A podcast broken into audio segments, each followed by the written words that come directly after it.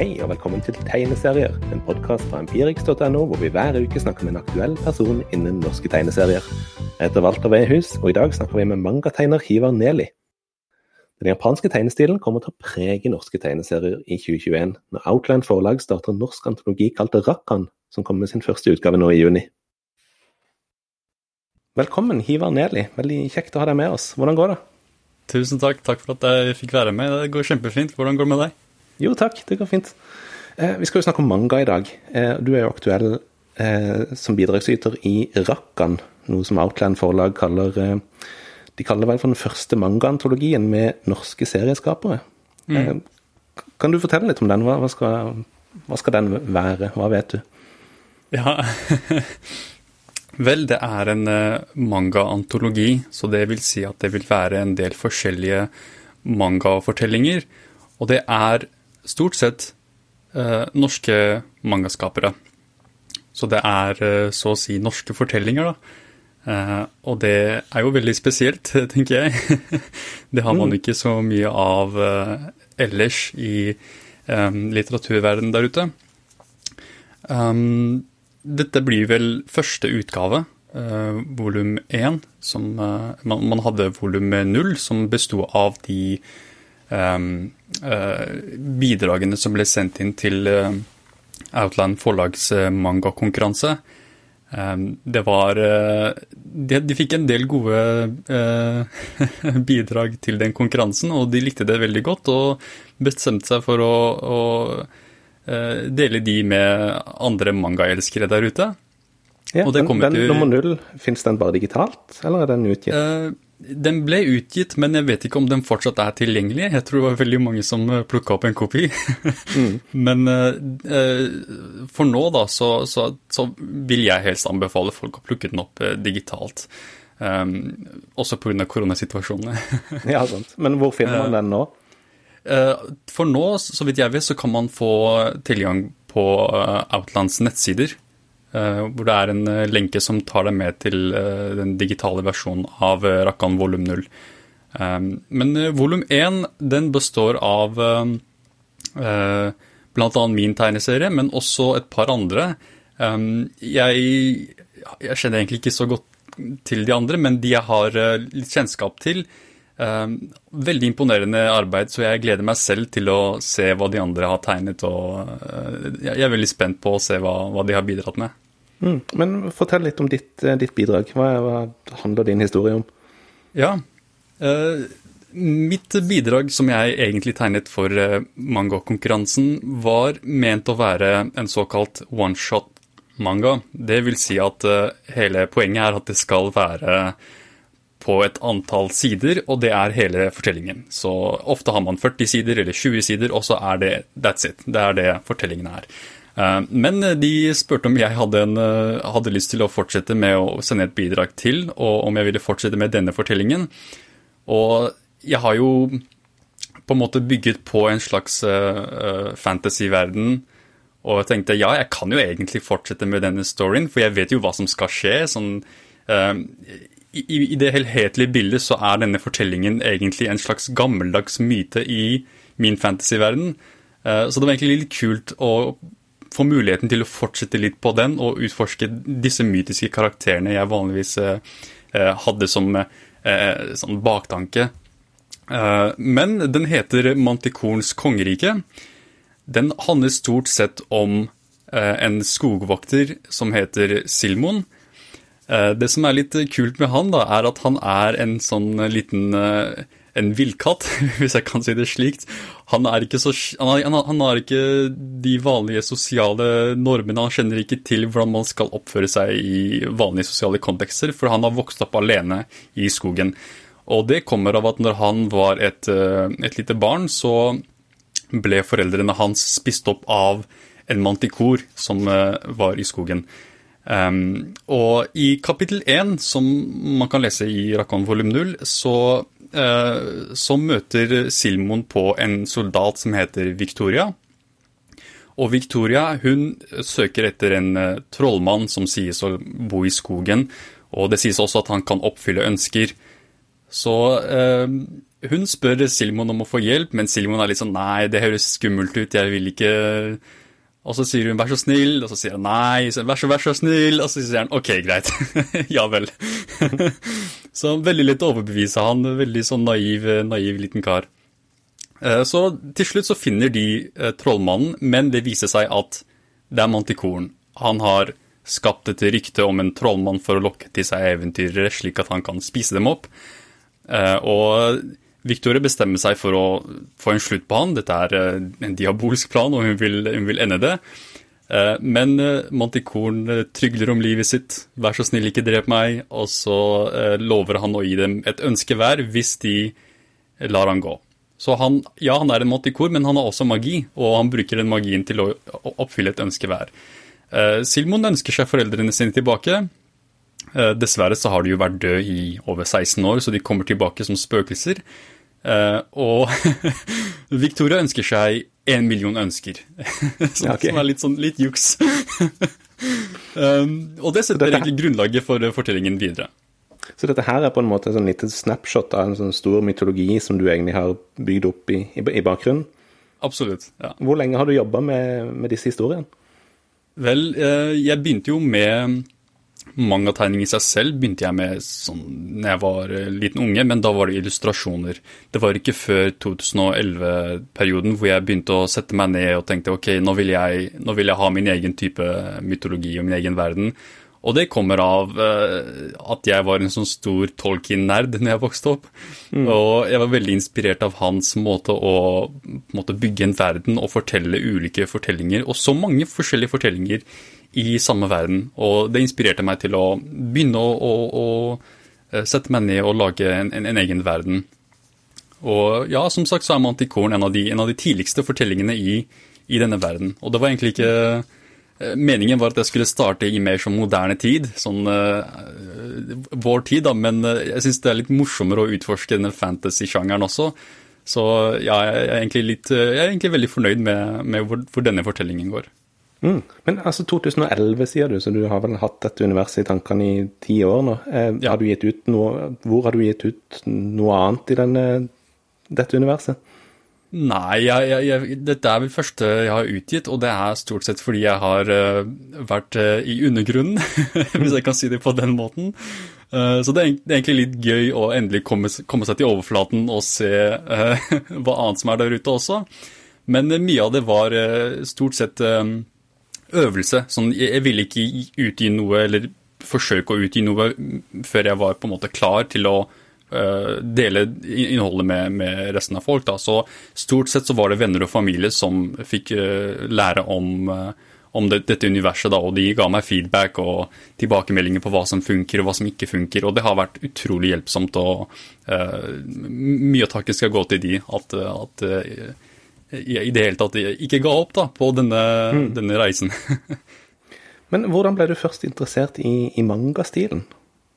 Ja, det, det går enda lenger tilbake. Eh, jeg vokste opp i Fredrikstad, og vi pleide å eh, gå til biblioteket der for å spille på datamaskinene. Og en dag så var det en venn av oss som eh, kom for å se på oss spille spill, og så la han en, en sånn bok på bordet, og så sa jeg hei, det der, hva, hva, er det der? Det er veldig, veldig fine farger på den boka der. Uh, og det var en veldig stor bok, sånn veldig tykk uh, pocketbok. Jeg tenkte herregud, skal du lese alt det der?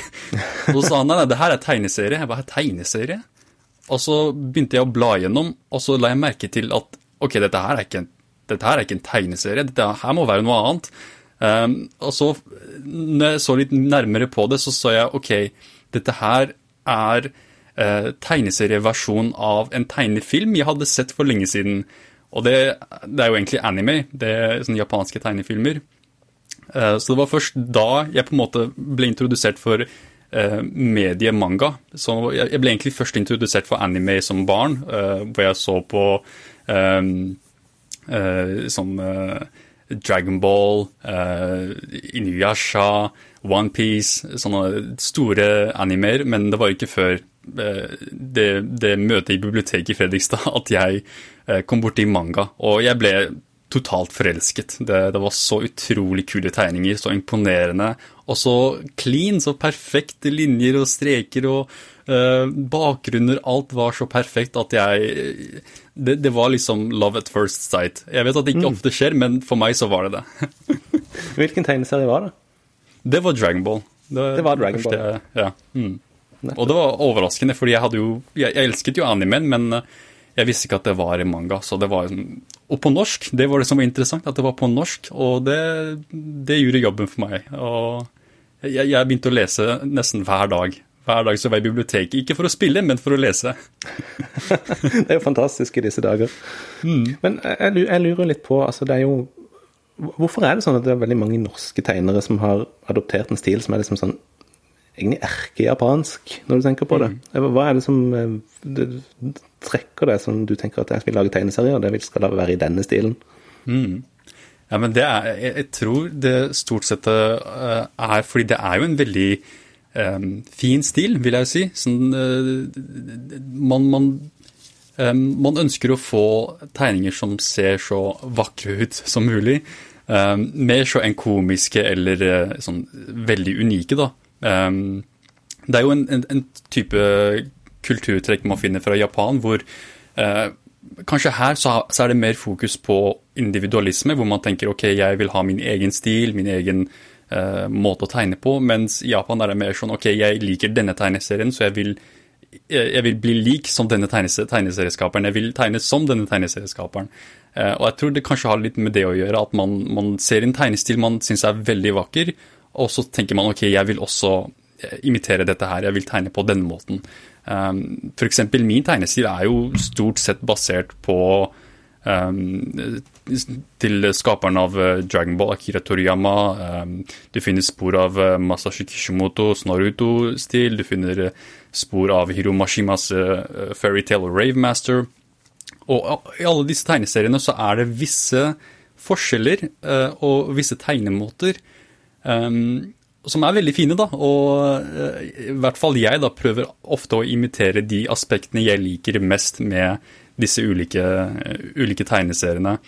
Um, men når det kommer til sånn fanbase og uh, det å bare like denne kulturen, jeg, jeg, tror det er veldig mange gode grunner til det. det manga er jo utrolig kult. Um, man har ikke så mye historie av det i Norge, men det kommer jo stort sett av at Norge ikke har hatt så mye møte med japansk kultur på den måten der. Men jeg tror hvis, hvis eh, flere folk eh, først lærer mer om det og kommer i møte med flere, mer manga, så tror jeg nok eh, de fleste vil like det også. Jeg mm. tror det er veldig, veldig kul stil. Men er det noen spesielle kjennetegn på dette er manga? Altså det, er å, mm. lett, det, er veldig lett å se, men har du, har du tenkt noe, hva er det som kjennetegner en, en mangategneserie? Ja, vel, det første er vel at uh, man leser fra høyre til venstre. Men okay. uh, det, den, sånn når jeg selv tegner manga, så er jo målgruppen min uh, norske lesere, så jeg har vridd litt på det. Og, og I min tegneserie da, så leser man fra venstre til høyre. Så vanlige vestlige måten. men jeg vil også si at tegnestilen er litt mer, kanskje litt mer elegant. At det er litt mer finere linjer. Det er på en måte en, en, blanding av realisme og, og, og, og tegning, da vanlige illustrasjoner, um, som egentlig skiller seg litt fra, uh, fra den type Marvel eller, uh, eller tradisjonelle norske tegneserier. Um, men en annen ting er kanskje Eh, at det er eh, i pocketformater. De er stort sett i pocketformater. Man, man, får ikke ofte de i sånne store blader, selv om det også er tilgjengelig til visse, visse lesere. Og så er det jo også i eh, stort sett i svart-hvitt. Det er det slik man foretrekker å tegne manga. Mm. Og, og, og, lese manga også. Det er veldig sjeldent man kommer bort til en mangabok som er fullstendig farget, da. Med mindre mm. det er sånn spesialutgave for uh, ekstra store fans. Nettopp. Mm. Du nevnte jo en del tegneserier som har, eh, som har inspirert deg. Um. Hva er det du har tatt fra de som, som er gjenkjennbart i din, uh, i din stil? Mm. Um, kanskje uh, jeg vil si karakterene. Det, denne, for eksempel da, Silmon, han ene karakteren min, er veldig sånn eh, naiv og har eventyrlyst og uh, uvanlig sterk. Eh, og det er noe man ofte finner i mangafortellinger hvor, hvor, hvor karakterene er veldig, veldig eh, fascinerende på den måten, da, eh, og litt spesielle. Og jeg vet at veldig mange artister der ute sier ja, jeg, mine karakterer er basert på meg, de er basert på folk jeg kjenner, men for meg er det motsatt. For meg så prøver jeg sånn OK, eh, hvem er det jeg ikke har i livet mitt som jeg gjerne skulle ønske jeg hadde i livet mitt? En person som er litt crazy, litt eventyrlysten. Så prøver jeg å tegne den karakteren og på en måte skaffe meg venner på den måten, da. Mm. um, uh, men selve tegnestilen så vil jeg nok si at uh, Akira Toriyamas Dragon Ball har vært en stor innflytelse på dette her med, med måten man former en, en, side på, da, og måten man uh, uh, plasserer characters og i, i enhver ramme. Um, også dette her med bruk av, uh, bruk av blekk. Sånn, før i tiden så tenkte jeg ok, jeg skal sånn jeg, skal, jeg, skal, jeg, skal, tegne manga, men det skal stort sett være med, med, med blyant. Men uh, akkurat Torjun var sånn nei, herregud, du må bruke blekk, du må bli flinkere på dette her. Så jeg har liksom uh, uh, gjennom tidene da prøvd å bli flinkere og flinkere.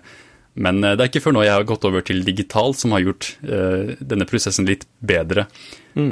når det kommer til en, en annen aspekt ved fortellingen, så er det denne Eh, det med å ha vitser og jokes, sånn, det er også noe jeg også henter fra egentlig de, de, fleste, men også i stor grad fra Kreatoriamas Dragon Ball. Dette med uh, tullete vitser, sånn uh, overdrevenhet, uh, sånne typer greier. Um, ja, hvis jeg skal se tilbake til de andre, så er det også Hvis jeg skal sånn, Med tanke på klær og, og bakgrunner og sånt, så er, det, så er jeg veldig glad i um, i, i Masashi Kishimotos Naruto, hvor man har veldig unike klær da, for enhver karakter. Og det er egentlig noe man finner i mange forskjellige typer mangaer. Um, jeg er også veldig glad i, eh, i klesstilen til karakterene i Inuyasha. Um, og der har man stort sett en japansk type klær. Uh, og jeg, jeg, tenker også at det er veldig god grunn til at uh, mange andre også liker det, fordi det er jo, japanske klær er jo veldig fine. mm. Og det er veldig kult å på en måte uh, se mer av det i tegneserier også. men det er, det er, stort sett det som jeg kan tenke på akkurat nå, med tanke på innflytelser. Mm.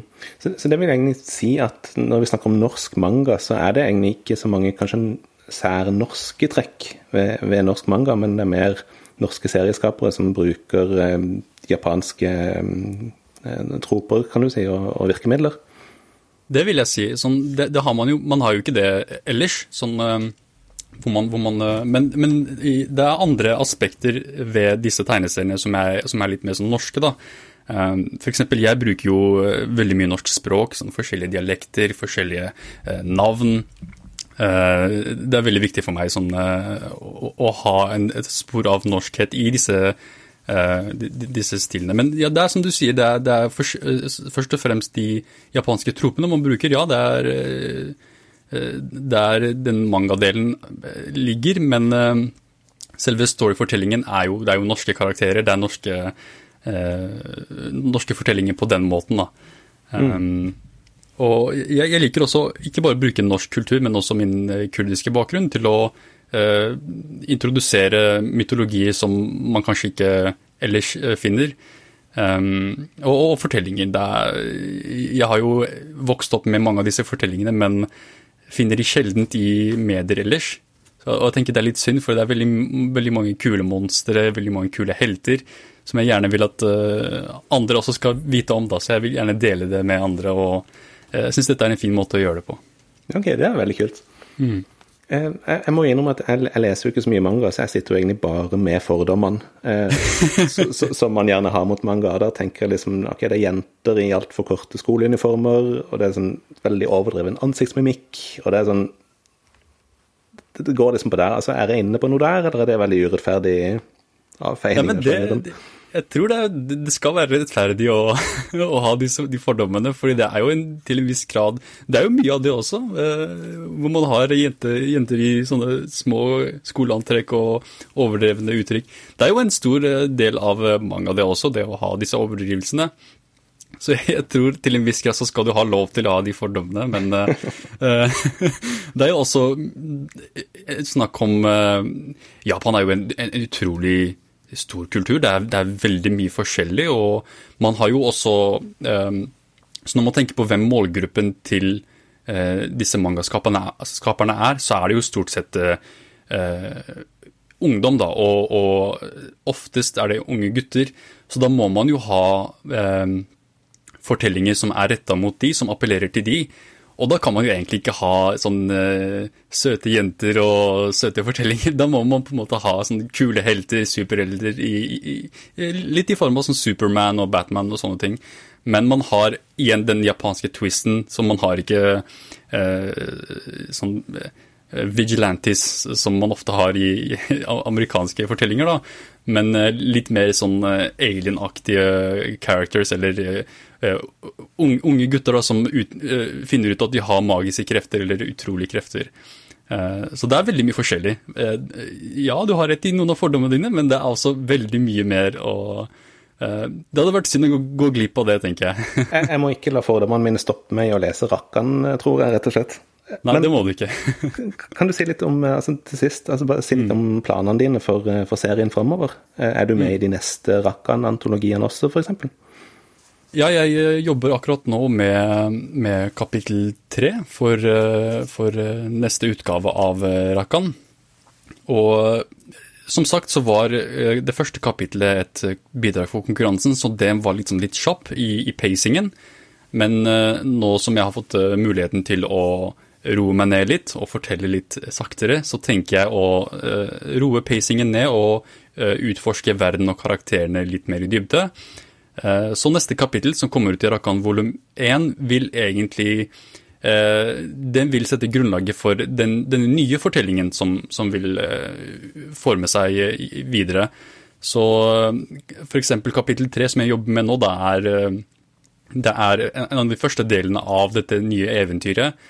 Og det er uh, veldig, mye, veldig, mye, vitser, og jeg gleder meg veldig til å uh, dele de også. Og det er uh, litt mer for, Vi får utforske verden litt mer også utenfor de stedene som kapittel 1 og kapittel 2 stort sett finner sted. så absolutt, jeg, jeg, jeg, håper å fortsette med dette her. Og det er jo som sagt en verden jeg har jobbet med i over ti år. Og jeg syns det hadde vært veldig synd om jeg ikke fikk eh, delt i hvert fall eh, noe av, eh, av det jeg har jobbet med her, som, som er, det, er, det er jo veldig, veldig mye. Mm. Mm. Ja, men Så kult. Da kan jo egentlig de som, du som hører på nå, du kan gå inn på Outland eh, sin nettside, laste ned Rakkan volum 0 for å få en smakebit, og så kommer Rakkan volum 1 nå i juni. Eh, mm. Ivar Neli, takk for at du kom. Tusen takk. Tusen takk. Det var alt vi hadde for i dag. Du vil ikke finne så mye manga på empirix.no for tida, men akkurat nå kan du lese anmeldelsen av Lena Asks 'O bli hos meg' og Therese G. Eides 'Foreldreskapet', en bruksanvisning. Vi høres, og god lesning.